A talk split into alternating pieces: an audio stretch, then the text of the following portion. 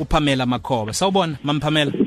Sawubona siya. Ninjani? Siyaphila. Siyaphila ba. Siyaphila nathi. Ukuphi njengamanje? Njengamanje ngisethekwini emlaze ekhaya. Oh, kusho ukuthi awukho emsebenzini namhlanje uthe awuthatha ikhefu noma uthatha ileave. Yebo ngikho emsebenzini kodwa akusili ikhefu ngoba ngiyasebenza la ngikhona. Oh. Actually ngiyafunda ngoba ngiyabhala nje ngesonto elizayo. Ngiyabona uthatha study leave buye usebenze futhi. Hayi kunjalo ba. Lo okuqokile njengoba ekuqokile ukuthi ube umsebenzi ovelele uthi uthi la abhala khona uthi umsebenzi wakho uyi-legal administrator ye-City of Umhlathuze Municipality. Kusho ukuthini lokho wenza hlobo luni lomsebenzi mawenza lo msebenzi? Eh ngibizwa nge-legal administrator eh ngokulimi langale. Yebo. Umsebenzi engiwenzayo ngisebenza ngezivumelwano zamasipala. So mina ngenza noma yisiphi isivumelwano umasipala asidingayo nomuntu ongaphandle nothi nomuntu osebenza ngaphakathi kumasipala. Ngoba mangabe kuukuthi uyasebenza eh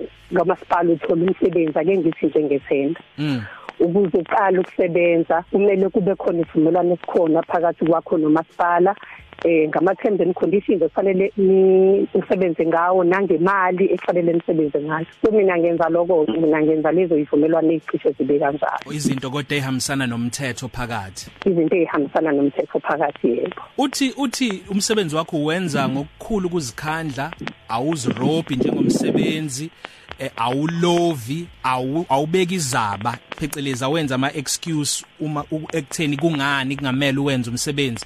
Ngaphambi kokuba ngiqedele nje lokho kushiwo ilo okuqokile thina abantu abasha isizukulwane nje sabantu abasha ezikhathini eziningi emsebenzini isikhathi esiningi siyaye sifuna ukuqhamuka nezinkinga kunama solution kunezixazululo kungani wena ma ongathi ngaso sonke isikhathi uhlezi ufuna ukuqhamuka nezimpendulo emsebenzini? Eh mhlawumbe kungendawo engisebenzela kuyona. Ngisebenzela endaweni la uhulumeni khona ofanele asize abantu. So uma ngabe kuwukuthi mina ngikwenze kahle umsebenzi akusimina kakhulukazi abantu abazogcina bekhalaza ngawo kodwa bazokhalaza ngohulumeni ukuthi uhulumeni asitholi yabona usizakala nezinto ezikanjalo ngaphandle kwaloko i think ngi ngibelonga kule nhlobo endala esakuthanda ukusebenza. Yebo. Yebo. Eh angijabuli mangabe kuukuthi ngenza into yothi isikhathi eside yabo? Ayi akungijabulisi lokho. Sengathi ngenza into manje ngiqede ngenza enye ngiqede izinto ezikanjalo ngiqede. Yebo so ngijabulela nje ukuqeda nje umsebenzi wami kakhulukazi mhlawumbe ngithola umsebenzi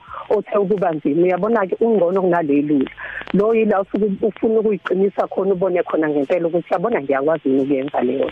Mamphamela lezo zinto ezingijabulisayo mamphamela siyancoma kakhulu. Asilalele ke kodwa ukuthi lo okuqokile ungubani futhi utheni ngokusebenza kwakho? Hayi igama lami nothando gumede eh we women's month. Ngithanda ukuphakamisa uma wami osebenza ngokukhulu ukuzikhandla for mina nezingane zasekhaya. Wasikhulisa eh waba umama understanding ungisupporte kakhulu impilo yami yonke namanje futhi sangiseka nabantwana bami bahlala naye kwi journey yami yobizo enkuyo manje uye phambili. Ungisiza ngokuphela umoya ngifuna ukubonga nje ngithi ngimthanda kakhulu. Nomsebenzi wakhe wokuba legal administrator for City of Umhlathuze municipality wenza ngokukhulu ukuzikhandla kazi robik eh nomsebenzi wakhe akalovi akenza ama excuses as to why engakhona ukuyemsebenzini ngifisa nokumfisela okuhle eh kuma exams wakhe wabhalayo ukuthi admit exit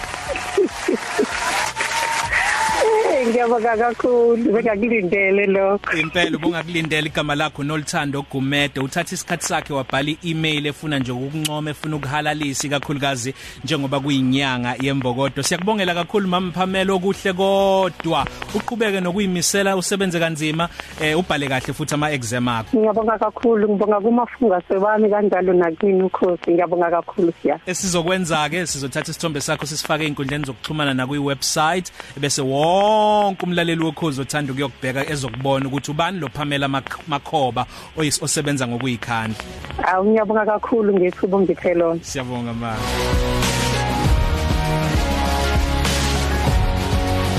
nawe ke makhono maziyo esingenza ukufanayo kuyena be umsebenzi ovelele enza kanjalo. Thumela i-email kwi-email address ethi ngwenya@sabc.co.za Positive Cafe.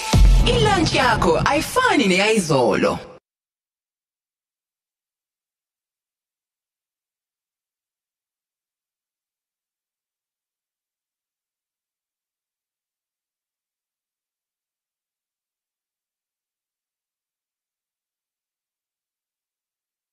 ngihlala